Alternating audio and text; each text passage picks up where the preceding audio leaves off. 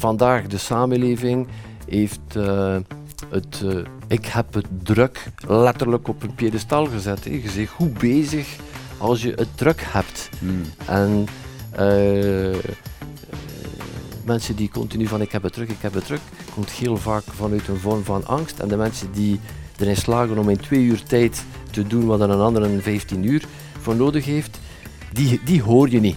Hmm. Maar de mensen die, die te veel werken, die maken veel lawaai en die trekken ook heel wat de rest mee. Want dat is ook het punt. Mensen hebben een stil geleerd op school. Bakker, beenhouwer, boekhouder, webbouwer, eh, wat het ook maar is. Maar ze hebben niet geleerd ondernemen. En wat gaan ze gaan doen? Ze gaan iedereen... eh, er ontstaat letterlijk een ondernemersincest. Ze gaan kijken, wat doet een andere? Ah ja, we gaan de goedkoopste zijn en hard werken. Dat lijkt mij de strategie te zijn. Hallo, ik ben Peter Perceval. Welkom bij Keerpunt, een podcast over gewone mensen die buitengewone keuzes maken in hun leven. Mensen zoals u en ik, die geconfronteerd worden met veranderingen, uitdagingen, hindernissen in hun leven. En die vertellen over de merkwaardige of eigenzinnige manier waarop ze daarmee zijn omgegaan, omdat het voor iedereen inspirerend kan zijn. Als u nog meer van deze podcasts wil zien of horen, abonneer u dan op onze nieuwsbrief via inspiringspeech.be of volg ons op onze podcastkanalen via Vimeo, YouTube, Spotify, Google Podcast, Apple Podcast of SoundCloud en u kan tweewekelijks nieuwe afleveringen zien of horen. Mijn gast vandaag is Xavier de Bare. Hij is ondernemer en coach bij Business Lab. Xavier is geboren met een grote drang om zichzelf te bewijzen. Dat zorgt ervoor dat hij een mooie carrière als kantoorhouder bij de toenmalige bank ASLK, die we nu kennen als BNP Paribas Fortis, opgeeft om zijn eigen bedrijf te starten. In zijn vrije tijd doet en deed hij aan rallyrijden, net zoals zijn broer. Maar wanneer die broer tijdens een trainingsrit overlijdt, krijgt Xavier een wake-up call. Over wat er toen veranderde en wat hij daarna deed, praat hij in het volgende uur. Welkom Xavier. Dankjewel, Peter. Jij heet Xavier de Bare. Ja, Dat is in Vlaanderen een beladen naam. Ehm, ja, dan eh, iemand die weet waarover dat gaat, dan weten we ook onmiddellijk ongeveer hoe oud dat is. Ja, dat is ook waar. Dat is Heb jij nog een idee hoe lang dat geleden is, Gilde Heisa? rond, eh, Eh, ik denk dat dat ondertussen 20, nee, wat zeg ik, 30 jaar ja, geleden. 30 jaar geleden. 30 jaar Ja, geleden. 30 dat geleden. eh, dus eh, Lucas van den Einde het personage Xavier de Bare opvoerde. ja, En dat was eh, een beetje een stuntelige show-afsluiter. ja, Die zichzelf verslikte in zijn woorden altijd. de professionele afscheidsnemer. Ja. Eh, ja. dat heeft mij toen heel wat achtervolgd, hè, want dat was echt... dat was toen in een van die programma's van Mark Uiterhoeven. Ja. Morgen maandag of zo, dat was letterlijk hoogmis hè, in Vlaanderen Ja, op dat ja, ja. moment. Ik herinner me toen nog op dat moment, toen dat voor de eerste keer uitgezonden werd, ik was voor de eerste keer op bezoek eh, bij ehm, mijn toekomstige schoonouders toen. En we zaten allemaal op een rij naar de tv aan het kijken en Mark Uiterhoeven zegt, ja, en eh, straks gaan we dan eh Xavier de Baar ontvangen. Ik zei. Want ik dacht zo van mezelf, ik ben de enige die, die, die zo'n naam heeft. het is een verborgen camera, ze hebben mij ergens gepakt. Ja. En dan bleek het... eh, dan bleek achteraf dat we met een stuk of tien zijn in Vlaanderen. Allee, Ja, ja, want dat, is toen, dat werd toen ook opgevoerd. Ja. Ja, ja. Maar Ik ik, moest eh, overal ik- mijn identiteitskaart bovenaan. Niemand geloofde dat ik zeg, kom een tafel bestellen. Kijk me dan installeren en eh, ik herinner me nog, ging een tafel gaan bestellen. Die man zegt, ja, dat kan niet. Laat ik je identiteitskaart zien dat dat wel waar is. Maar ik kan je geruststellen, ik heb de geboorte van dat personage meegemaakt. Ik Mhm. weet waar het vandaan komt en Ja, het had niks met u te maken. Nee, nee, nee. Alles met een, eh, met een, een man die eh, tombolas eh, deed in baancafés, waar ze zo met bussen met bejaarden naartoe trokken. Dat was Ja, de echte Xavier de Bare, was, Was zo persoon, een, een tombola-leider. Die bleef praten. Los daarvan, wie ben jij? Echt? Xavier. Ja, ja, ik ben ook wel iemand die graag blijft praten. Ik zou je op tijd een vraag stellen. Ehm, Ja, wie ben ik? Ik ben uh, ondernemer, eerst en vooral geloof ik ondernemer. Ik ben altijd zelfstandig geweest. Mm -hmm. ik heb nooit ergens op de payroll gestaan, dus het is wel iets die mij, die mij drijft en vandaag meer dan ooit. Ik ben ook vader, mm -hmm. vader van drie kinderen en drie pluskinderen. de man van Anne, Anne Verstraten. Uh, ik ben ook rallypiloot. Uh, is totaal iets anders. Maar dat is ook wel iets die mij... Uh, ben je rallypiloot op serieus niveau of voor de hobby? Oh, voor, ja, voor de hobby. Voor de hobby. maar nu toch al 31 jaar ondertussen. En het is iets die mij blijft, een wereldje die mij en blijft En hoe, hoe dikwijls doe je dat dan? Oh, een, keer, een, keer of vier, een keer of vier, vijf per jaar. Oké. Okay. Ja. Ik kom natuurlijk ook van de coté van Ieper, om het zo te zeggen, waar dat er nog altijd toch, uh, ja, uh, onlangs ook uh, het rally-event was. Dus dat is ook wel iets die, waar mensen mij niet altijd direct mee associëren, maar dat ik ook wel... Hoe is dat gekomen, die liefde voor de rally? slechte vrienden, hè. Slechte, slechte maten.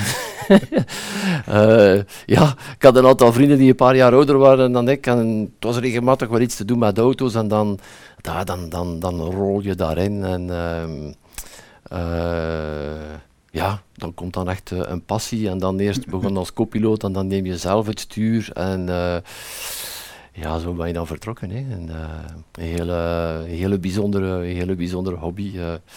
Die ja, moet het echt meemaken van binnen om, ja. om de intensiteit daarvan te zien. Ehm, maar dat is ook, um, ook, een van, ook een van mijn kantjes. En voor de rest, ja, ben iemand die denk te mogen zeggen, gedreven is. Uh, ik hou ook wel van humor. Ja. Uh, ja, ik geloof een dag niet gelachen is een dag niet geleefd. Dus uh, denk dat ik hier ook wel aan de juiste tafel zit. Dat is super, ik kan echt bloedernstig zijn. Hè? Maar ik ook. Ik ook, ik ook. Zie dat je straks niet zit te wenen. Hè? ik, kan mijn, ik mijn best doen.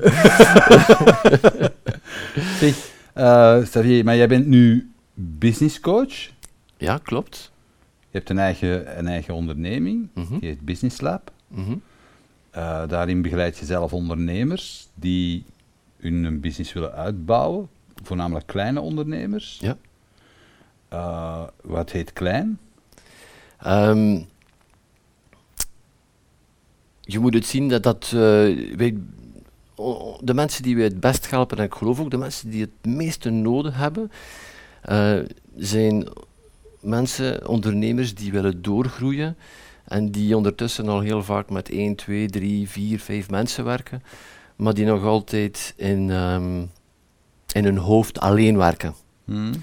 Dus uh, ze slagen er niet in om te delegeren, ze willen nog allemaal alles zelf doen, daardoor kloppen ze veel te veel uren, zien ze nauwelijks hun gezin. Uh, en, en ja... Maar dat heeft ook wel ergens een voordeel, want anders zouden ze niet, niet doen. Hoe bedoel je dan? Ah, maar ja, dat ze niks delegeren heeft toch ook een, het voordeel dat ze ook geen verantwoording moeten vragen of over, ja, nee, mensen maar, overtuigen of zo. Uh, ja, dat is, dat is de ene kant is dat wel zo, maar welke leven heb je dan? Want als je het allemaal Mm. zelf wilt doen, dat zijn allemaal, die mensen kloppen allemaal uh, 10, 12, 14 uur per dag en gaan dan nog het ergste van al naar bed met een onvoldaan gevoel, omdat Mm. ze een hele dag bezig geweest zijn met brandjes blussen, dat ze niet bezig geweest zijn met decentie, waar ze echt, echt, echt het verschil in maken. En daar komen wij in om hen dat te laten zien, stap voor stap, hoe dan ze daar, uh, hoe dan ze daar verandering in, in brengen. Het is uiteindelijk fundamenteel het verschil tussen een zelfstandige, en zelfstandige iemand die, ja, die het allemaal alleen wil doen, laten doorgroeien naar ondernemer. Want uiteindelijk zijn ze ondernemer geworden voor de vrijheid die bij het ondernemerschap hoort. En heel snel zien ze dat die onderneming of een bedrijf gewoon letterlijk een, een gevangenis is geworden. Uh, dat ze Mm. gewoon geen tijd meer hebben voor, voor, voor zichzelf, voor hun gezin, uh, kinderen, partners, uh, voor hobby's, voor andere, voor andere zaken. En, en daar komen wij in om te laten zien dat er een andere, dat er een andere weg is. Het, de enige weg dat de meeste van die ondernemers kennen is het harder werken. Weet je wat, we gaan nog een uur meer werken en we gaan mhm. nog een uur later werken. Daarom komen we ook naar buiten met verdubbel je winst, verdubbel je vrije tijd. Heel veel mm. mensen vinden dat, oei, oei, jullie durven nogal. uh, maar als wij zeggen, kijk, we gaan, we gaan jouw winst verdubbelen met 10% en jouw vrije tijd met 10%, dan gaat er fundamenteel niets veranderen. Mensen gaan, gaan niets aan de fundamenten, maar tegen die ondernemer als ze zegt verdubbelen, ja, dan weten ze dat ze radicaal iets anders gaan moeten doen. Zeg, en, Xavier, maar uh, ik vermoed dat als je zo'n uh, zo'n zo'n missie in elkaar zet, of zo'n missie bedenkt, dat je daar zelf ooit last mee hebt gehad. Dat zal wel. Oké. dat zal wel, Dan gaan we het daarover hebben, ja. zo dadelijk. Zeker. Maar eerst gaan we eens terug naar wie Xavier was toen hij 15, 16 jaar was. Oh, toen, hij, toen hij 15, 16 was, um, hij was toen al computerfreak. Ik heb nog uh, de eerste personal computer, zoals een Commodore 64, voor de mensen van mijn generatie die dat kennen nog. En 64, dat stond voor het totale geheugen van, uh, geheugen is moeilijk voor West-Vlaming. Ja. Uh, dat stond voor het totale geheugen van de computer, 64K. Nu het kleinste fotootje dat je maar gaat vinden op internet is, is al groter, dus om wat te zeggen.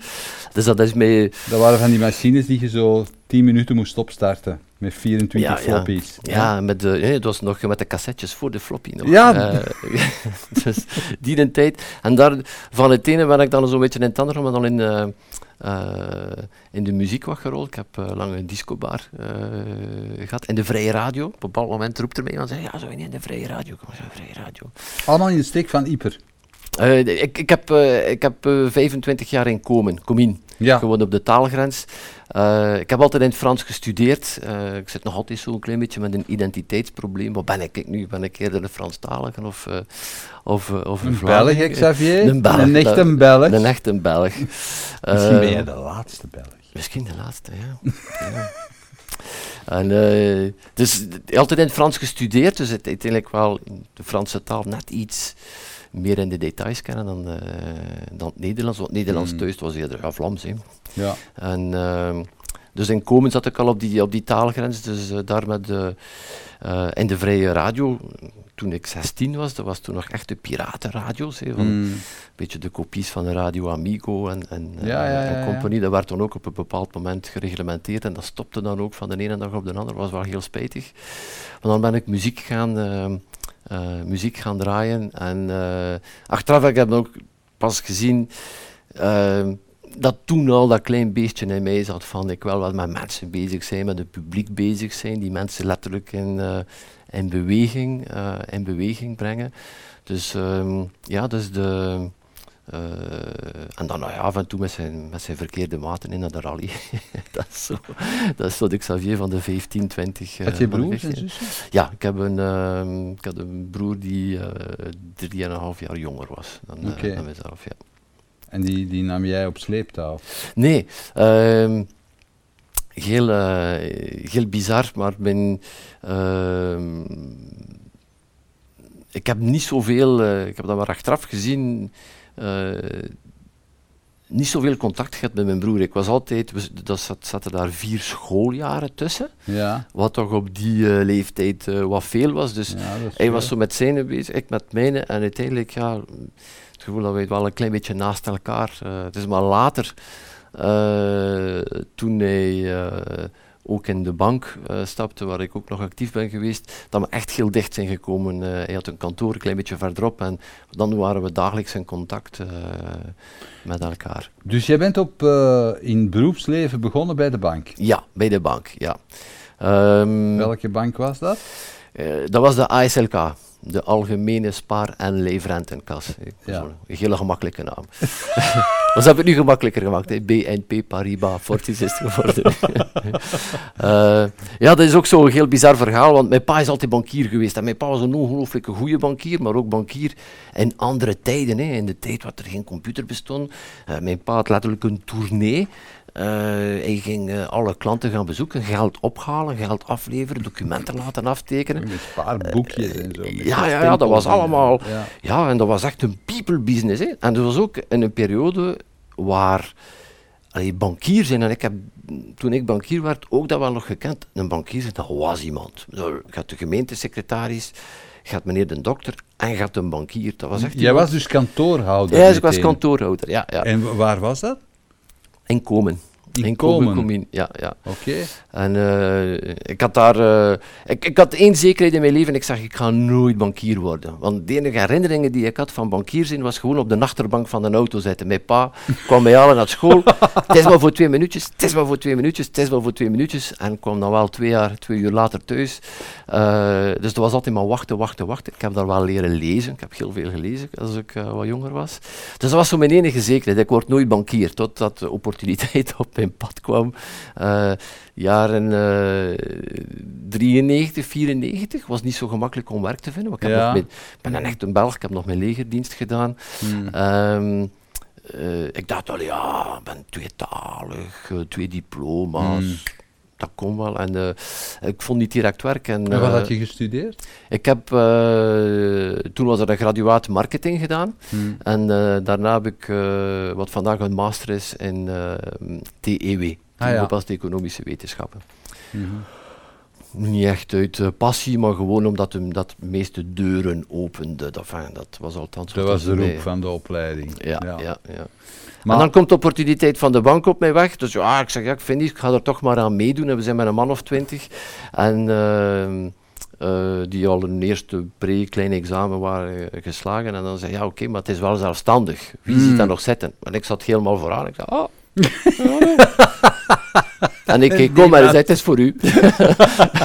het is letterlijk zo, eh, zo gegaan. En een paar maanden later start ik, eh, start ik op als zelfstandig kantoorhouder van een ASRK-kantoor. Ik moest dan direct iemand eh, aanwerven. Was dat toen al courant? Ik herinner mij niet dat dat toen al zo breed verspreid was. De kleinere, de, kleinere, de kleinere kantoren toen van de ASLK waren allemaal zelfstandige kantoren die eh, afhingen van een groter kantoor die dan ja, ambtenaren waren, want dat was een parastatal. hè. Mm. Dus, eh, en dat was ook de moeilijkheid van heel dat systeem. Je bent jong en geweldwaar, je bent ambitieus. Als, eh, als jonge gast, om het zo te zeggen, je bent volledig afhankelijk van die eh, zware loggestructuur die daarboven staat, met reglementen. Vanaf 24 graden mag je een das afdoen en met, een appel ligt daar elke dag en van die eindeloze ruzies over die, goud, die gouden gids, dat is de mijne. En, en dan kom je dat toe, maar ik heb hier twee aanvragen van een lening, wanneer ga je daar tijd voor hebben? Dat was, ehm, dat was een last. Allee, ik had daar ook heel snel gezien dat dat het people gedeelte van, ehm, van de bank vond ik wel leuk. De gesprekken hebben met Ja. de klanten. En, eh, maar dan eh, de structuur, de logge structuur die erachter zit, daar tegenop boksen. Wow. Hoe lang heb je daar geweest dan? Ik heb daar eh, van, van 94 tot 2000 eh, geweest. Maar heel snel had ik gezien van, dit is, mijn, dit is niet helemaal mijn wereld. Maar langs de andere kant moet ik ook wel toegeven, het was wel een comfortabele positie. Ik verdiende goed met een boterham. Hmm. Eh, ik was eh, 24 en ik had toch wel ja, een tof visitekaartje. Hè. Directeur d'agence, hey, dat was toch wel iets. Eh, dus ja, dat, dat was die twee, die, twee, die twee polen langs de ene kant van, ja, toch wel iets. Je verdient goed een boterham, mensen kijken naar je op, op een of andere. Vandaag is dat totaal anders. Ehm, maar ik voelde me binnen die structuur, ja, pff, dit is mijn, mijn ding niet. Ik heb dan ook eh, heel snel, ehm, eh, na één jaar, een tweede zaak begonnen. In de, in de belettering. Heel toevallig. Terwijl je kantoorhouder ja, ja, was. terwijl ik kantoorhouder was. Ja, ja. Mm. Ik, had er wat, eh, ik had er wat stage in gelopen en ik had altijd een beetje in een drukkerij rondgelopen, dus dat grafische zat ook wel in mij. En eh, een van mijn kennissen zei van, allee, je, moet al die peoples van de bank, laat dat allemaal zitten, start een beletteringsbedrijf, het is niemand die hier in de streek, hè. je bent tweetalig. En echt op eh, ja, een klein beetje een zotte beslissing toen, want dan heb ik beslist van, kijk, naast de bank ga ik... eh, een, eh, een beletteringszaak beginnen. Ik zie me nog altijd vertrekken met een auto, met een cheque mee, want vroeger betaalden we nog met een. Een Mm. klein machientje gaan halen, wat voorraad gaan halen. Eh, de kinderkamer van het kind dat er nog niet was, helemaal gaan installeren. en eh, dat eerste werk doen in een eerste sticker kleven, dat ik dan zei, plak dat erop. Ik zei, oh, ik doe dat ook niet graag. en, ehm, maar dan, ehm, ja, toen komt dat stemmetje terug van, ik ga laten zien wat de ondernemer is. Ik ga mij bewijzen dat de, de gans de buitenwereld, ik ga mij bewijzen dat in een bank toe ook, dat ik jullie niet nodig heb, dat ik het alleen kan. En zo... ehm, Maar van waar kwam die bewijskracht dan? Van waar Ja, van waar dat komt die van, bewijskracht? Ik, ik, ik wil dat toch, ik wil toch koppig laten zien. Ehm, ik denk dat dat, eh, ik denk dat, dat in, heel wat, eh, in heel wat mensen zit. Dat, dat, dat bewijzen van, ja, dat is ook iets die, ehm, van wat ik vandaag zie. Toen zag ik dat niet, want ik zat er helemaal in. Maar van wat ik vandaag zie, is iets die ook van generatie tot generatie is overgedragen. Van ehm, gaan bewijzen naar uw, eh, naar uw ouders toe, uiteindelijk. Van, eh, heel, heel wat mensen zijn uiteindelijk niet happy met het leven eh, dat ze hebben. En dan op een bepaald dan zitten ze me- met zo'n slecht gevoel en zeggen, ja maar ja, ik ga, ik ga van mijn kinderen, ik ga daar de twee perfecte, perfecte, perfecte, perfecte wezens van maken. Zo kan ik dan wel gaan bewijzen aan de buitenwereld, ah ja, mijn leven trekt wel op niks, maar ik heb toch wel dat gedaan. En eh, ik geloof dat we dat allemaal op een of andere manier doorgeven van, van, van, van om, op een onbewuste manier. En ehm, ja, dat continu van, van dat moeten doen. Ik herinner Ja. mij nog, eh, toen ik... ehm, het eerste leerjaar was voor mij een heel bijzonder jaar, want ik kwam van Vlaanderen naar Frankrijk. Ik had dus nog nooit geen woord Frans gehoord, dus steken mij in In het eerste leerjaar staken ze u in het Franstalig ja, ja, schooltje Franstalige school. Ja, school uit het groot college was dat toen in, eh in Moeskroen. En eh, ik eindig het jaar, brave student, met 93 procent. Oh, ik, was, ik, was, eh, ik was blij. Maar de eerste van de klas die had 93 en half. En daar had het mijn ouders over, over dat, De half procent. dat half procentje. En zo is En dat... Niet dat jij in een jaar tijd een, een andere taal perfect gemasterd had om het te kunnen volgen. Nee. En dus op geen steen aan mijn ouders, die, wist, Nee. die, op, die, die zijn daar ook niet van bewust. Maar ja, zo, zo zit dat bewijzen daar, eh, dat bewijzen daar maar in. Eh, op, ja, als je daarin zit, zie je dat niet en voel je dat niet. Ehm, naar, eh, ja, naar kennissen toe. Ik had ook een kennissenkring. Die, al- die mensen waren allemaal een stukje ouder als ik. Eh, die, die stonden allemaal al net iets verder in het leven, dus ik kwam mee ook, ik wou ook mee met, ja, mee met de band, hè, om het zo te zeggen. Dus dat waren allemaal wat factoren die mij, ja, die mij daarin eh, vooruit pushten. Eh, Zeg Xavier, maar er is, er is iets op een gegeven moment fundamenteel veranderd in uw leven. Uw, uw broer is eh, overleden. ja, klopt. Eh, Hoe oud was je toen? toen was ik, eh even snel rekenen, eh, 87 was dat. Eh, 2007 was dat, dus eh, eh, 38 was ik toen. Ja. Hij was er 34. Wat is er gebeurd? Heel plots, ehm, eh, heel plotse hersenbloeding. Ja. Eh, hij was ook eh, rallypiloot, net zoals ik. En we reden allemaal mee in dezelfde wedstrijd. En eh, hij startte één minuut voor mij. En, of achter mij, Peter. En op een bepaald moment komt hij niet meer aan. En tijdens het rijden is het gewoon ehm, ja, een hersenbloeding gehad die hem boem, instant, die fataal was, instant. Dus dat is zowel eh 18 november eh, 2007, blijft zowel toch wel, ehm, ja, want hoe weinig contact, hoe weinig, ehm, ja, hoe weinig we misschien gecommuniceerd hadden als we jong waren. Waren echt, eh, dat was ook mijn beste vriend geworden. We zaten alle twee in de bank. Eh, ik was toen al uit de bank. Ehm, dus dat was ook mijn bankier tegelijkertijd. We zagen elkaar heel regelmatig. We deden rally samen.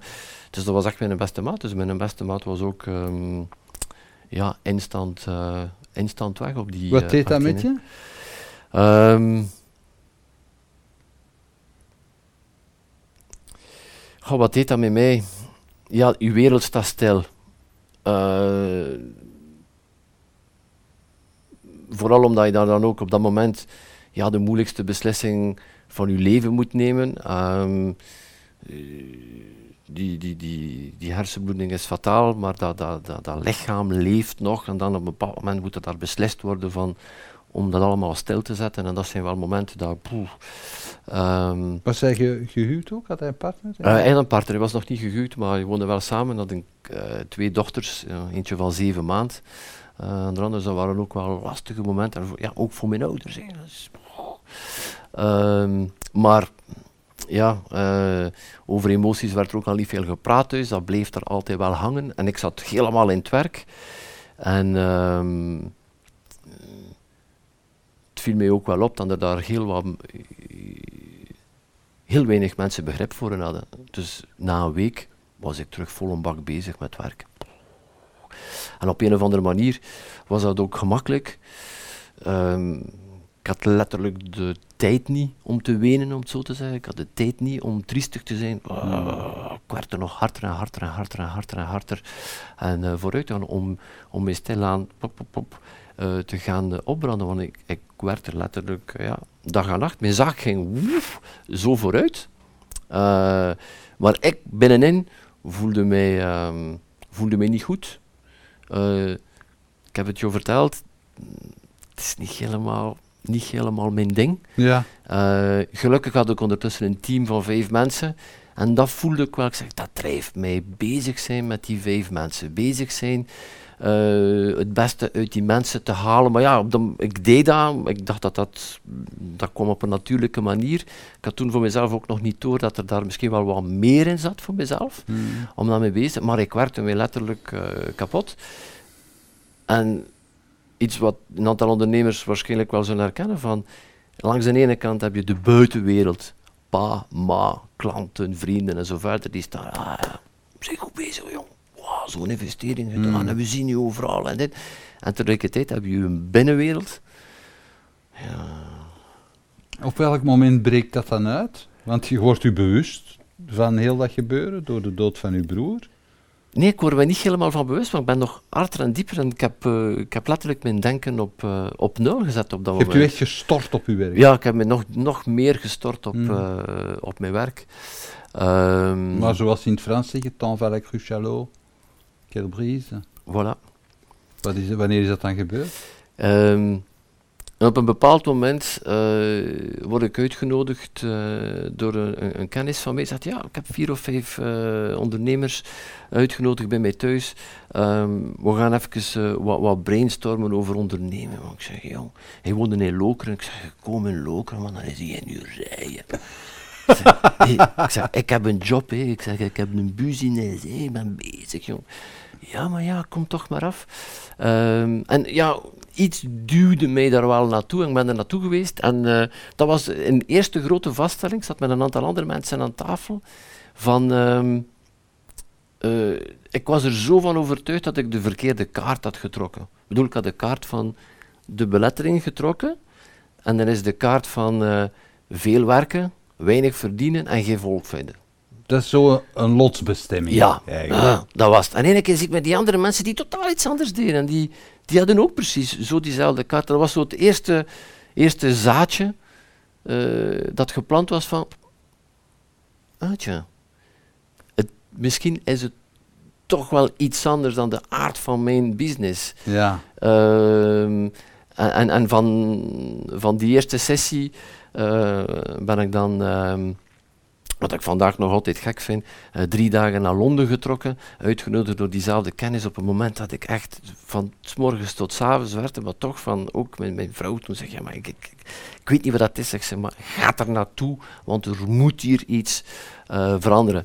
En ehm, die man, Bob Proctor, eh, ondertussen spijtig genoeg overleden, was toen al 76.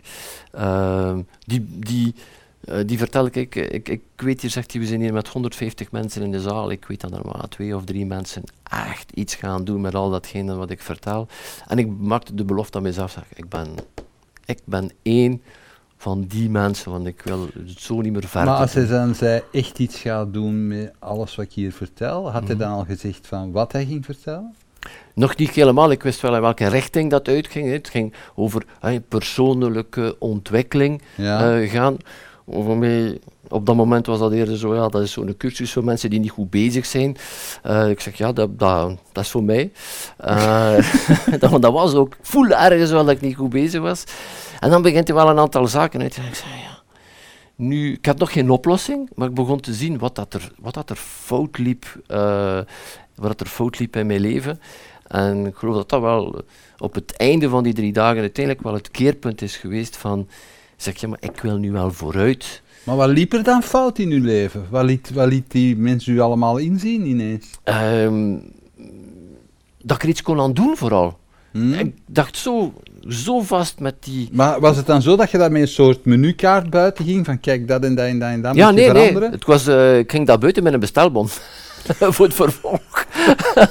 en ik denk dat dat wel het keerpunt was van... Uh, dat was ik een dure bestelbon, heb je mij eens verteld. ja, dat was 12.500 dollar toen. Oh, jezus. Dat was, uh, dat, dat, was een, pak, heel pak geld. Ja. Um, en ik had natuurlijk de belofte gemaakt en me zei, ik ga daarmee verder doen. En ik voelde wel in die drie dagen wat ik gegeven had, hoe de, de, de manier, een andere manier om naar de wereld te kijken. En uh, ik zeg, het zit er wel iets in. Uh, ik zeg, ik ga me inschrijven, maar tegelijkertijd zag ik ook die som geld. Ik zeg, mijn vrouw was thuisgebleven. Ik zeg, hoe ga ik dat vertellen? hoe kan ik dat uit? En uh, ik kwam ja. bij mij. Hij stond naast mij. En uh, hij zei tegen mij, ik ga goesting, hè? Ik zeg, ja. Ik zeg, voel ergens wel dat dat is wat ik nodig heb. Maar ik zeg, hmm. uh, ik zeg Bob, 12.000 naf, that's a lot of money. En hij pakte zijn Mont Blanc pen uit zijn, uh, uit zijn chic kostuum. Hij gaf het mij en zei, sign the damn paper. En ik heb het ingevuld. Dat is mijn beste beslissing, uh, beste beslissing ooit geweest. Want toen was van, hey, um, help is on the way. Ik weet nog niet precies allemaal wat dat gaat zijn. Um, maar ik was letterlijk, uh, ja, zeg, nu kan het niet meer fout lopen. Dat was echt maar als je nu, Maar geef je advocaat van een duivel ja, ja, als je zo, hè, een Amerikaan die voor u komt staan en zegt van, kom jongen, teken dat contract.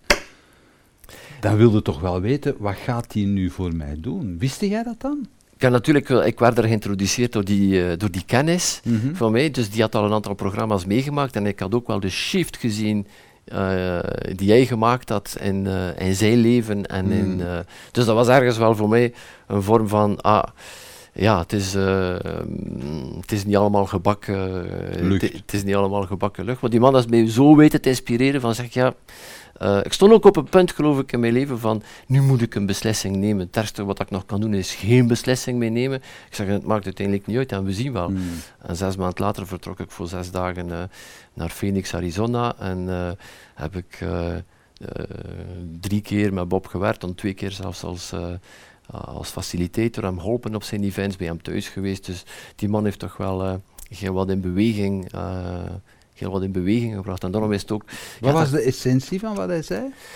De, de essentie van wat hij zei is, uh, voor mij blijft nog altijd hoe, hoe dat die geest hier in elkaar zit en mm -hmm. hoe dat die beperkende overtuigingen waar we zitten. Straks vroeg je mij he, van, ja maar ja, hoe komt dat nu dat we daar he, ontzettend te bewijzen naar die ouders toe en van, van waar komt dat? Van waar komt dat? vooral, wat kan je, daar, wat kan je daaraan doen? En uh, dat boeide mij enorm om te zien dat het uiteindelijk de omstandigheden niet waren. Niet omdat ik in komen zat, niet omdat ik een beletteringsbedrijf had, niet omdat dit, niet omdat dat. Maar dat gewoon, ja, dat gewoon mijn, mijn denkwereld was dat ik kon een aantal zaken gaan, uh, hmm. gaan aanpassen. En dat hij dat op een, ja, op een unieke manier kon doen, letterlijk heel visueel uh, kon gaan doen. En ik zeg, ja, het is...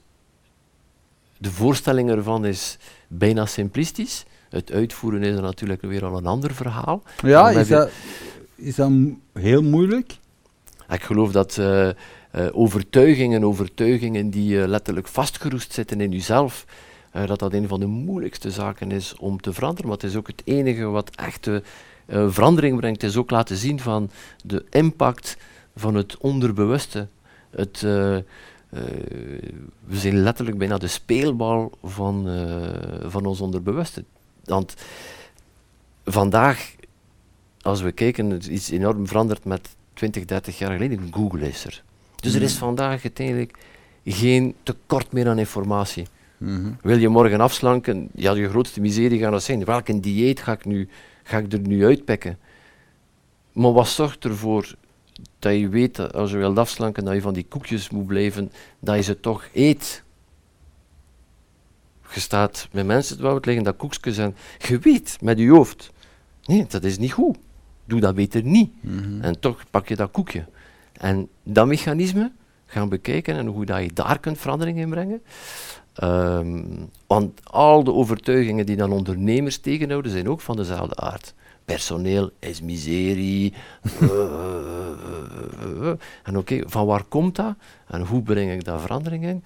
Ehm, ja, dat is echt eh, wat dat er. eh,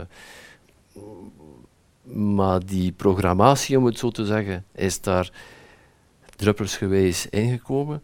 Dus je moet dat ook natuurlijk de tijd geven om, om dat ook terug te veranderen. En het Zijn het ervaringen die die, die, die programmatie omkeren? ja, ervaringen. Een een heel simpel voorbeeld. Ik ben eh, eh, tot mijn 13 jaar gingen we eh, drie keer per week naar mijn grootouders gaan eten. Eh, PP Pijp. Ik had twee grootvaders. De ene liep met een stok, was PP Stok. En de andere rookte een pijp, PP Pijp. Eh, maar PP Pijp was geboren in, in 1899. 1899. Dus die was 19 jaar toen de Eerste Wereldoorlog gedaan Ja. was. Hij drie jaar, eh, drie jaar legerdienst naar Duitsland zonder, zonder terug te komen, zonder WhatsApp. Ehm, en periodes gekend van geen eten te hebben aan tafel. En het ritueel was altijd hetzelfde toen ik daar ging gaan eten. Ehm, ik, had- ik was klaar, dan moest ik tot bij hem gaan. Hij had zo'n groot hand, helemaal vervormd van het hard werken. Hij had hier op mijn buik. Zo, eh, eh, het is hier nog een gatje, ventje. Kom, eet nog maar een beetje. Terug aan tafel, nog een vleesje, nog een groentje, nog een patatje. En dan iedere keer, eh, drie keer per week. Dertien jaar lang. Als er, ik ga nu nog altijd een tweede keer nemen. ik weet met mijn hoofd. Eh, Klinkt bijna zoals in Hansje en Grietje. Je steekt een keer je vinger Ja. door de tralies of dat je wel niet genoeg zit. Morgen geven we training, middags weet ik dat het buffet is. Ik weet dat ik een ganse namiddag op het podium moet staan, dat ik beter geen te zware maag heb, dat ik beter niet te veel eet. Mm. Toch ga je er mij morgen op betrappen, dat ik waarschijnlijk toch wel twee keer ga gaan. Die programmatie zit erin. Op dit ogenblik lukt het mij nog wel, dat mag. Eh, maar er zijn een aantal fundamentele overtuigingen, zeker naar het ondernemerschap, dat je er echt wilt uithalen als je wilt eh, progressie maken. En dat is work in progress. Dat is iets die, ja, die, die, die, die nooit stopt. Want het, Hoe lang, hoe lang is dat work in progress bij jou geweest? eh, nu ben ik daar toch puur bedrijfsmatig toch al negen jaar mee bezig. En er is daar een constante evolutie en there is a devil at every level. Ook bij, bij jezelf ook, wil ik zeggen. Ja, ja, bij mezelf, ja, de, de persoonlijke ontwikkeling met Bob Proctor was, eh, eh, ik was in Amerika toen ik 40 werd. Ik zei, dat is het mooiste cadeau eh, dat ik me kon inbeelden voor mijn 40ste verjaardag, dat is ondertussen 13 jaar geleden. Maar toen heb ik in 2014 Business Lab gestart, Ja. om specifiek die ondernemers te gaan ondersteunen, om ze echt, om ze ja, van die, van het cholen, hè, zoals wij zeggen in, eh, West-Vlaanderen, van die miserie, eh, door mijn verhaal, samen met Anne, door haar verhaal en door de inzicht die ik opgedaan van, er is een andere, er is een andere weg en we gaan niet gaan, eh, gaan preken een four hours work week, dit niet. Geen, er bestaat geen magische formule, er bestaat geen, geen gouden pil, hoe dat je het ook maar wil noemen. Hmm. Maar ik geloof dat er een aantal zaken zijn die je stap voor stap kan aanpassen in een business. Maar als je zo'n zaken stap voor stap aanpast in je Mhm. business, Mhm. dan kom je ook wel, allee, en als je begint te werken aan je overtuigingen, komt ook in botsing met je omgeving uiteraard. Ja, uiteraard. Uiteraard. Heb je dat zelf ook meegemaakt? Ja, dat is een lastige. Wat heb je, hoe heb je dat meegemaakt? Ja, ik denk dat de grootste. eh, ik heb het twee keren meegemaakt toen ik, ehm, eh, toen ik de bank stopte in 2000. Mhm. Eh, niemand begreep dat. Niemand begreep dat. Ik herinner me nog heel goed, ik ging mijn boodschappen gaan doen eh, naar de koolruit. En in de koolruit, als je de koolruit al geweest bent, dan staan er al pijlen op de grond om een bepaald parcours eh, te, te volgen. En in één keer, ik zag mijn goede klanten, mijn bestaande klanten, toen ik weg was van de bank, die reden letterlijk in de sens uniek. En de koolruit om mij te vermijden. Eh, ik begreep niet, ik begreep niet waarom. Toen ik er me van bewust was van, als je 30 jaar bent, ja, je bent kantoordirecteur, bankdirecteur, en ineens ben je dat niet meer, is er daar maar één reden voor. Ik heb gepiekt. Is, dat, dacht, dat je met je handen in letterlijk, want dat is, vandaag, vandaag zouden we daar anders naar kijken, maar toen, eh het was zoiets van, hetzelfde, het klein beetje hetzelfde als An- An- Anne heeft meegemaakt in het onderwijs. Als je daarin bent, ja, dan stap je daar gewoon niet uit. Voor mijn ouders was dat ook lastig. Mijn pa, altijd bankier geweest. Mijn ma, gedegradeerd van de trotse mama van een bankdirecteur. Dan, ja, wat doet hij nu juist weer met zijn kabinet en zijn jeansbroek aan en met zijn reclameborden? dus dat is, dat, is, dat is lastig om dat mee te maken, om, om, om, dat Ja. om dat te zien. En dan een tweede keer, toen ik de, mijn beletteringszaak heb verkocht, was dat ook van hetzelfde. Allee, zo'n zo mooie zaak, wie doet er dan nu? En er zit nog zoveel potentieel in. Dan word je daar terug mee geconfronteerd. En dan uit, uiteraard, het moment dat je uit jouw huwelijk stapt, dan... eh, Had dat daar ook mee te maken? Dat je- ehm, Was dat in een, in een flow door, die bewustwording? Ja, ergens, eh, ergens wel. Ik, ik voel de ambitie. Het, ik zag het potentieel dat er in, ik zag het potentieel dat er in, in mij zat. En ehm, ik, heb, eh, ik heb heel wat gedaan met mijn vrouw. Toen heeft ook die cursussen allemaal meegemaakt. Maar die had daar totaal, totaal, totaal geen ambitie in. En op een bepaald moment zeg ik, ik ja, ik wil, ehm, ik wil, mijn, eigen, ik wil mijn eigen ding gaan doen. En ik heb eh, spijtig genoeg die, die, weg, eh, die weg moeten kiezen. En, eh, eh, Zij kon daar niet zo. mee. Zij kon daar niet, zij kon daar niet in mee. Nee. Mijn ambitie was waarschijnlijk te groot. En, Verzetten ze zich daar ook tegen? Ehm, nee, nee, ook niet. ik kan ook niet zeggen dat ze zich dat tegen verzetten, maar ja, ehm, Maar dat is, een, dat is een bekend fenomeen, Xavier. Ik vraag daar een beetje door naar, omdat ik, ik hoor dat in veel verhalen van ondernemers. Of eh, ja, ook in levensverhalen tout court. Mensen die, die ineens op een punt komen dat ze zeggen van... Tja, ik ga mijn leven omgooien of ik ga, andere, ik, ga, ik ga andere keuzes beginnen maken. Ik ga bewust andere keuzes beginnen maken. Die worden op een bepaald moment een beetje eenzaam, want alle, het hele netwerk dat hun oude verwachtingen heeft ondersteund, mhm.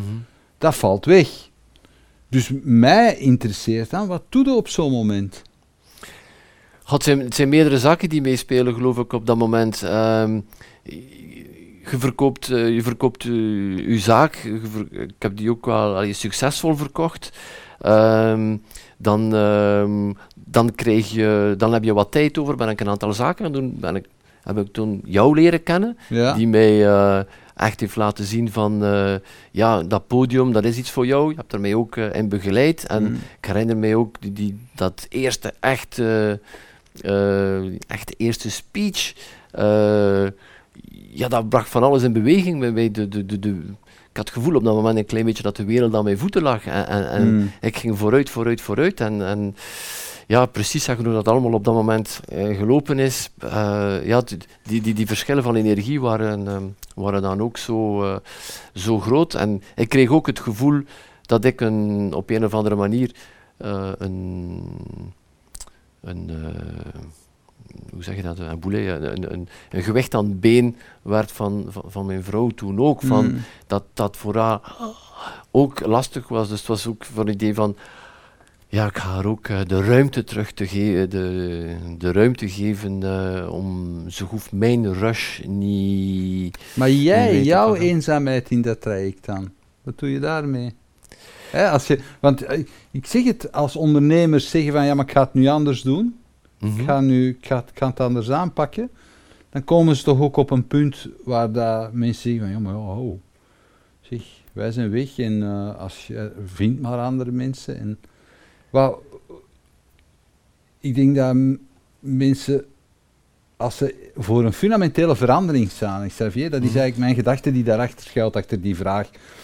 Ehm, wat hen tegenhoudt is heel dikwijls zo angst om dan ja, alleen te zijn en, of afgewezen te worden voor het een of het ander.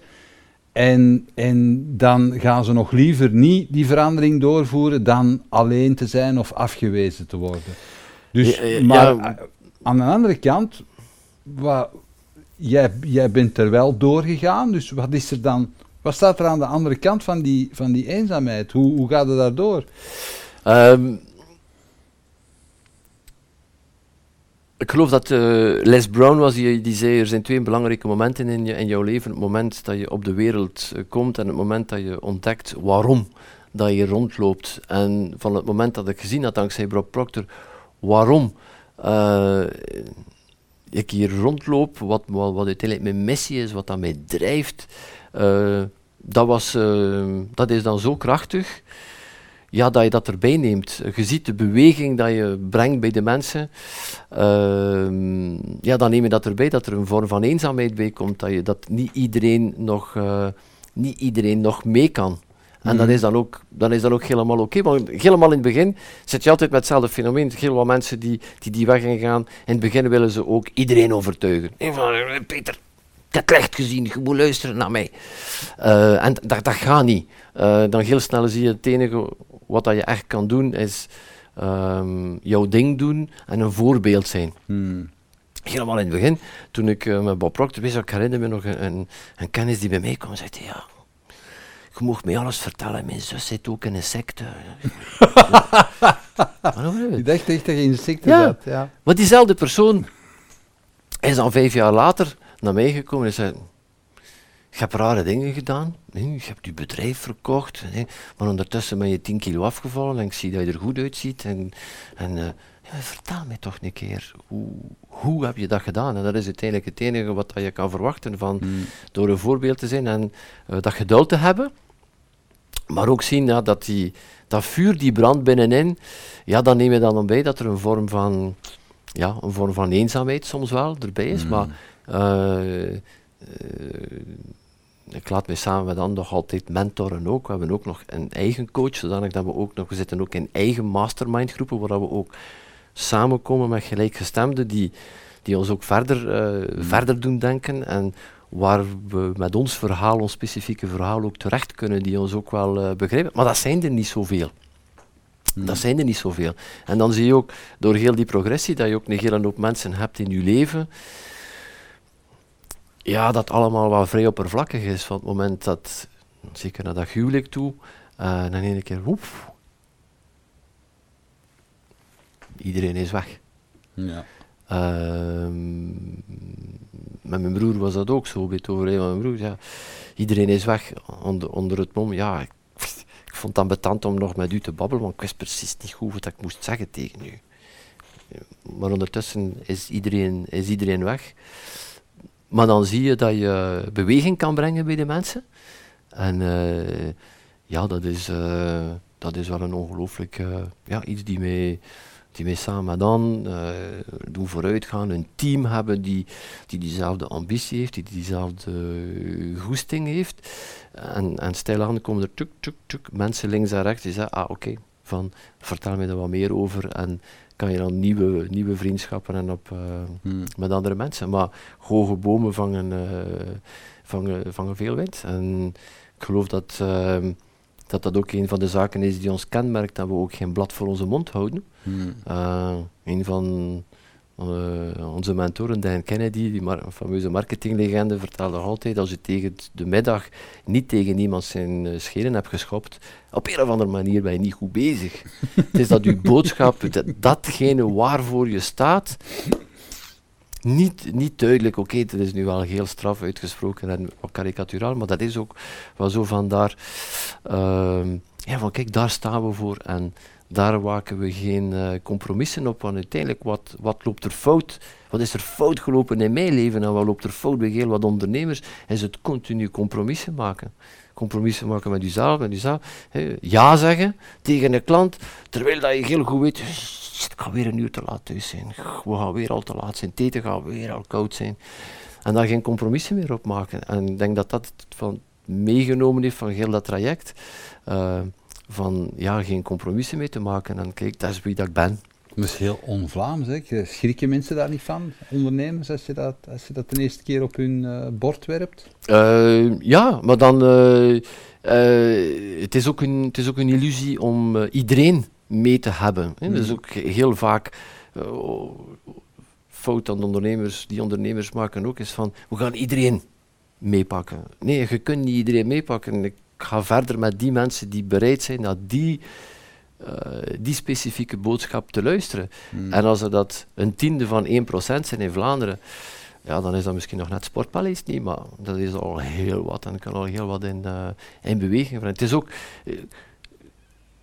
het is ook hoe ga je met je energie om, met diezelfde energie, als je tien mensen kan in beweging brengen, maar met diezelfde energie ben je drie dagen bezig of één proberen te overtuigen, dat heb ik losgelaten. Van, kijk, dat is waar, waar ik sta. Het is heel zwart-wit. Mm.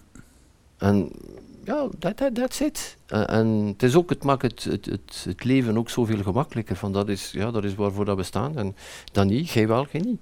We zijn heel duidelijk van, die mensen niet en die mensen, die mensen wel. Want dan creëer je ook homogeniteit binnen, binnen de mensen met wie dat je werkt. En voel je je ook volledig, uh, uh, volledig vrij. ik geloof dat een groot deel van de stress van de kleine ondernemingen komt omdat ze met te veel verkeerde klanten werken.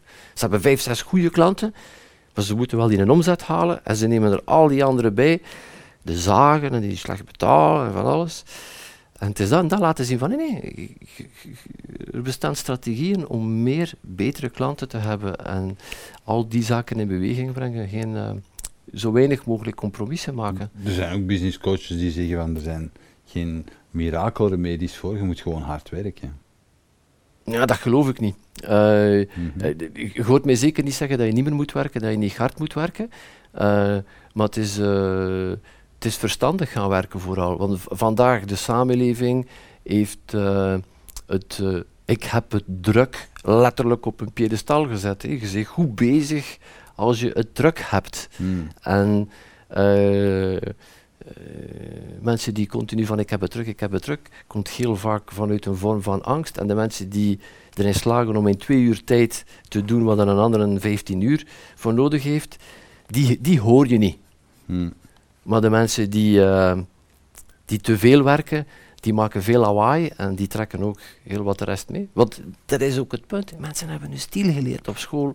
Bakker, beenhouwer, boekhouder, webbouwer, uh, wat het ook maar is.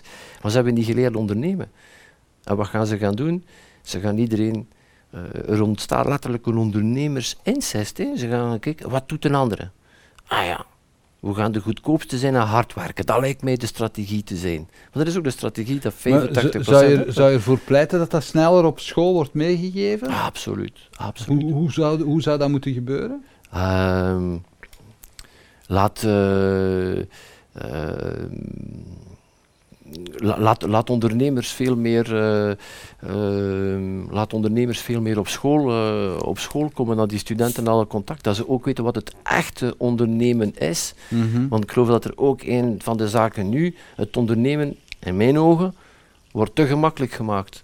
Mensen, ah, je kunt in bijberoep gaan en je hebt verminderde sociale bijdragen en het wordt zo gemakkelijk gemaakt, dan dat daar een hele hoop mensen zitten die blijven tussen de twee hangen, die half loontrekkend zijn, die half ondernemer zijn en die, die nooit die stappen vooruit gaan, uh, gaan zetten. Dus die, mensen moeten ervan bewust zijn van kijk, ondernemerschap, dat, ondernemerschap dat is letterlijk uh, ja, iets, iets wat dat je moeilijk... Want het zou, het zou heel, wat, uh, heel wat miserie besparen. Er zijn heel veel mensen die wat is de beloning? Wat is de grote beloning van het ondernemerschap dan? De vrijheid.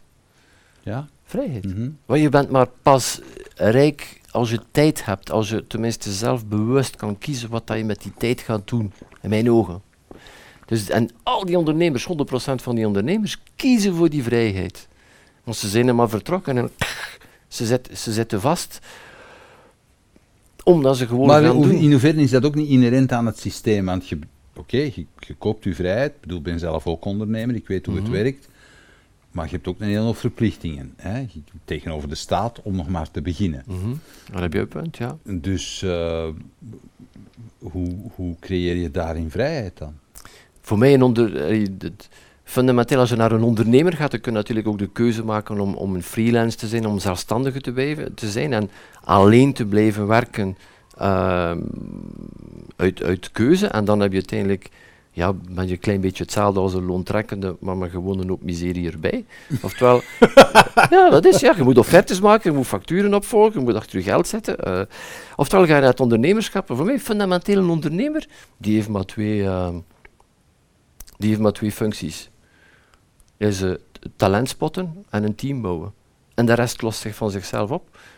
Want veel te veel ondernemers zijn nog bezig met datgene dat ze doen. Als je echt naar die vrijheid wilt gaan, ga je ondernemen. Met een team heb je mensen nodig. En ik geloof dat er daar veel te weinig aan gedaan wordt om dit te stimuleren. Maak het alsjeblieft gemakkelijker om mensen aan te werven. Maak het goedkoper ook om mensen aan te werven. Hmm. Ehm, zodanig dat die, uh, die ondernemer echt um, zoveel mogelijk. Want die ondernemer die wil ook zoveel mogelijk mensen bereiken. En je kunt maar. Uh, je kunt maar veel mensen bereiken als je een, een, een team hebt. Als je alleen werkt, ga je snel vooruit. Maar met een team ga je veel verder. En het is dat meegeven aan die mensen, die schrik, over die schrik van een eerste medewerker, een tweede medewerker, een derde medewerker, laten zien wat dan daar de voordelen van zijn. Voor iedereen, hè? Voor iedereen. Maar dat is een hele weg.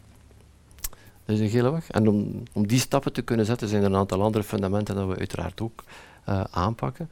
Maar fundamenteel een ondernemer is een talentspotter en een teambeelder. Wat doe je met mensen die zo niet over die mee durven springen. Wat doe je daarmee concreet? Uh, we kunnen het hen maar blijven zeggen. en het, het, is aan hen, iedereen, iedereen is vrij. Het is gewoon laten zien van uh, hoe lang wil je zo nog blijven werken? Hoe lang ga je blijven geloven dat je morgen gaat opstaan en dat er iets gaat veranderd zijn in je business? Hmm. Hoe lang uh, hoe lang ga je het ga, je tolereren om, om, om je gezondheid achteruit te, te laten gaan? Hoe, hoe, hoe lang uh, ga je het uh, volhouden om, om jouw kinderen niet te zien? En, ehm, en, en, en, al, en al die zaken. Ik geloof ook dat een aantal mensen in het ondernemerschap zijn gestapt die misschien beter loontrekkend waren gebleven. Dat misschien ook. Hmm. Dat kan ook. Maar je kunt, zoals ik, het is, het is geen avans van de mensen vast te pakken en te schudden. Het is gewoon, dat is hetgeen dat wij doen, is langs de ene kant aan en mezelf van op het podium, om het zo te zeggen, in het licht, een, een aantal zaken meegeven en, en om er na te denken. En dan heb je het tweede aspect, die community, die andere ondernemers in de zaal, die al de stap gezet hebben, dan die elkaar gaan, gaan inspireren. Want iedereen die in de zaal zit, zegt, ah ja, die Nana, die Xavier hen, is dat gemakkelijk. Hmm. Want die mensen zitten er toch naast, maar ik dacht dat ook. En ik heb dat gedaan. En dat is echt de weg. En dan moeten ze, net zoals bij mijn grootvader, uh, één keer terugkomen, twee keer terugkomen, drie keer terugkomen. Drie. Je, kan geen verandering zomaar overnight. En enige zei ja, ik ga het ook proberen. Dan zien ze de resultaten ervan en begint die bal uh, te rollen. En ik weet dat dit een heel. Uh, hele gedurfde uitspraak is, zeker in een tijd van uh, dus gebrek aan, uh, aan personeel. Ja, ik wou het juist zeggen, hè, er zijn 120.000 ja-maars waar dat mensen dan mee kunnen afkomen hè, mm -hmm. als, uh, in, als ondernemer. En, en al die ja-maars, die zorgen natuurlijk dat ze ter plekke blijven trappelen. Dat is, ja. Maar ben, ben jij dan de persoon, jij en, en, en Am, zijn jullie dan de personen die in één voor één die ja-maars gaan opruimen voor hen. We, gaan, we, laten, we laten hen zien hoe dat ze kunnen omgaan met die, met die ja-maars, maar het is ook gaan laten zien van oké, vandaag sta je hier. Ja. Je weet, als je niks doet, dan ga je naar daar. En dat is je keuze. Ja. Maar er is ook een weg om naar daar te gaan. En jij kiest. Jij kiest, ik niet. Ik, ik niet, want je kunt, je kunt paard naar het water brengen, maar je kunt het niet forceren om, uh, om te drinken. En wij brengen het water laten zien van kijk, dat is wat dat er mogelijk is. En nu is het, uh, is het aan jou. En er zijn heel wat ja-maars, maar dan die community die daar is, die andere ondernemers die ook met hen zijn, die al een stapje verder zijn, die al een aantal zaken hebben uitgeprobeerd, die zorgen dan voor van, hey, hmm. kom, zet die stap, zend mij een sms'je als je het gedaan hebt, kom aan, kom aan, doe het. En, en zo begint die bal voor een aantal mensen, uh, voor een aantal mensen wel te, te rollen. En voor een aantal mensen ook niet. Voor een aantal mensen ook niet. Besta jij dan ook zoals Proctor in de zaal en zegt van, ik weet dat er hier maar drie mensen zijn die iets gaan doen met wat ik zeg? slagingspercentage ligt een heel stuk hoger. Maar nee, maar er zijn een aantal mensen die, ja, die, die op het einde van een traject uh, die niks hebben gedaan. Hmm. Maar daar, ik, ik kan alleen maar de tools geven, al de mogelijkheden geven en mezelf aan beschikbaar stellen, ons team beschikbaar stellen en alles wat er is. En dan is het aan hen om te doen. De mensen weten dat van het begin. Ik zeg, gaat uw mouwen moeten opsloven als je denkt van hier, het valt, uh, het, het, valt uit de lucht. Dat is het, uh, uh, dat is het nooit. Ja. Maar de voorbeelden zijn er wel van, het, het, het kan stap voor stap voor stap voor stap voor stap. Mm -hmm. maar waar leg je de juiste prioriteiten? voor die ondernemers en te vaak zijn ze met de ver verkeerde zaken bezig. Maar ik vind geen personeel. Ja, maar hoeveel tijd heb je erin gestoken de laatste week om daarmee bezig te zijn? Hmm. Ja, nee, want men daar een brandje gaan blussen, men daar een brandje gaan blussen, men daar een brandje gaan blussen. Ja. Hmm. Ja, ik heb twaalf jaar geleden het begin van jouw traject meegemaakt. Mm -hmm. hè? Als ik nu binnen twaalf jaar terug zou terugkomen, waar zou je dan willen staan? Waar ik zou willen staan? Um, zeker en vast nog altijd toe wat ik vandaag doe. Uh, ondernemers inspireren. Uh, uh, op, welke, op welke manier, we, hebben, we hebben nog altijd ergens wel de ambitie van ooit een keer zo'n sportpaleis te vullen vol ondernemers. Zo van, dat dat wel, om ergens wel te laten zien van er, er, er is een andere weg, want ik geloof nog altijd dat de toekomst de toekomst bij de kleine onderneming ligt. Hmm. Ik heb niet zoveel geloof meer in de politiek. De godsdiensten gaan dan waarschijnlijk ook allemaal die economie niet oplossen. Uh, en, maar die kleine ondernemingen, die, um, die moeten in hun kracht gezet worden. En daar wil ik alles aan doen, want ik geloof in een groter plaatje dat dat ook zelfs een mobiliteitsprobleem kan, kan oplossen. Nu zie je alle jonge gasten moeten, moeten, naar de, moeten naar de stad en zo verder. Maar mochten al die mensen die lokaal uh, bezig zijn, die een lokale loodgieter, mocht hij hem twee mensen kunnen aanwerven, die een bakker daar nog twee mensen kunnen aanwerven, dan, dan, dan begint alles meer lokaal weer te leven. Maar ja, 95% van die kleine ondernemingen zijn bang, willen klein hmm. blijven en als we daar wat verandering kunnen inbrengen, ja, daar, uh, daar mogen je mij altijd uh, het s'nachts uit mijn bed voor halen om een aantal mensen te, te gaan inspireren of die, en, dat klein duwtje te geven. En als je nu jezelf terug zou tegenkomen als uh, 15, 16-jarige, wat zou je tegen jezelf zeggen? Um, doe je ding. Uh, geen, maak, maak geen compromissen met, eh, met, met niks of niemand. Um, ik denk dat dat de grootste, de grootste leerles is. En vooral ook, vooral ook zeggen, er kan niks gebeuren. Ik moet toegeven, we leven in een ongelooflijke wereld, zeker hier waar we zitten in België. Er kan niets gebeuren, wat dat je ook maar onderneemt. Het slechtste geval ben je een pak geld kwijt of ben je centen kwijt. Ik heb dat ook meegemaakt, begon de markt, zat al mijn schulden zoveel jaar terug. Maar uiteindelijk, ik heb nooit een boterham tekort gehad. Um, uh, dus we leven in een ongelooflijke wereld waar dat er zoveel mogelijk is. Dus uh, gewoon doen, doe, doe, doe je ding. En geloof ook dat er mensen zijn die naar jou gaan luisteren. Ik dacht ook, wat heb ik nu te vertellen? Gelukkig dat jij mij gezegd ah, ik geloof dat er toch misschien wel een paar rondlopen in Vlaanderen. ik zeg, ja, je slaat er nog in om een zaal te vullen ook. en ik denk dat dat belangrijk is, van uh, iedereen heeft zijn eigen, heeft zijn eigen stem, een eigen unieke stem. Uh, mijn stem zal hier in, in, deze podcast bij een aantal mensen resoneren en andere mensen zeggen precies. Ja. En dat is ook helemaal goed, maar geloven dat er voldoende, voldoende mensen zijn die, die naar, naar jou willen luisteren en uh, het verschil willen maken zonder echt compromissen te willen maken. Ik denk ja. dat dat zo meegeven aan de, aan de kleine Xavier de Bare. Ja. ja. En als je lang genoeg doordoet, dan eindig je in je sportpaleis. Dat is zo. Dat is zo. Ja. ja. Xavier, ik wens het je toe. Dankjewel. Tot weder horen. Super. En bedankt om te komen. Dankjewel, Peter. Tot gauw. Bedankt dat je keek naar deze aflevering van Keerpunt. Wil je op de hoogte blijven van nieuwe afleveringen en nieuwe interessante gasten? Abonneer je dan op onze nieuwsbrief via www.inspiringspeech.be. Iedere twee weken brengen wij een nieuwe aflevering online op inspiringspeech.be, YouTube, Vimeo en Soundcloud. Tot ziens.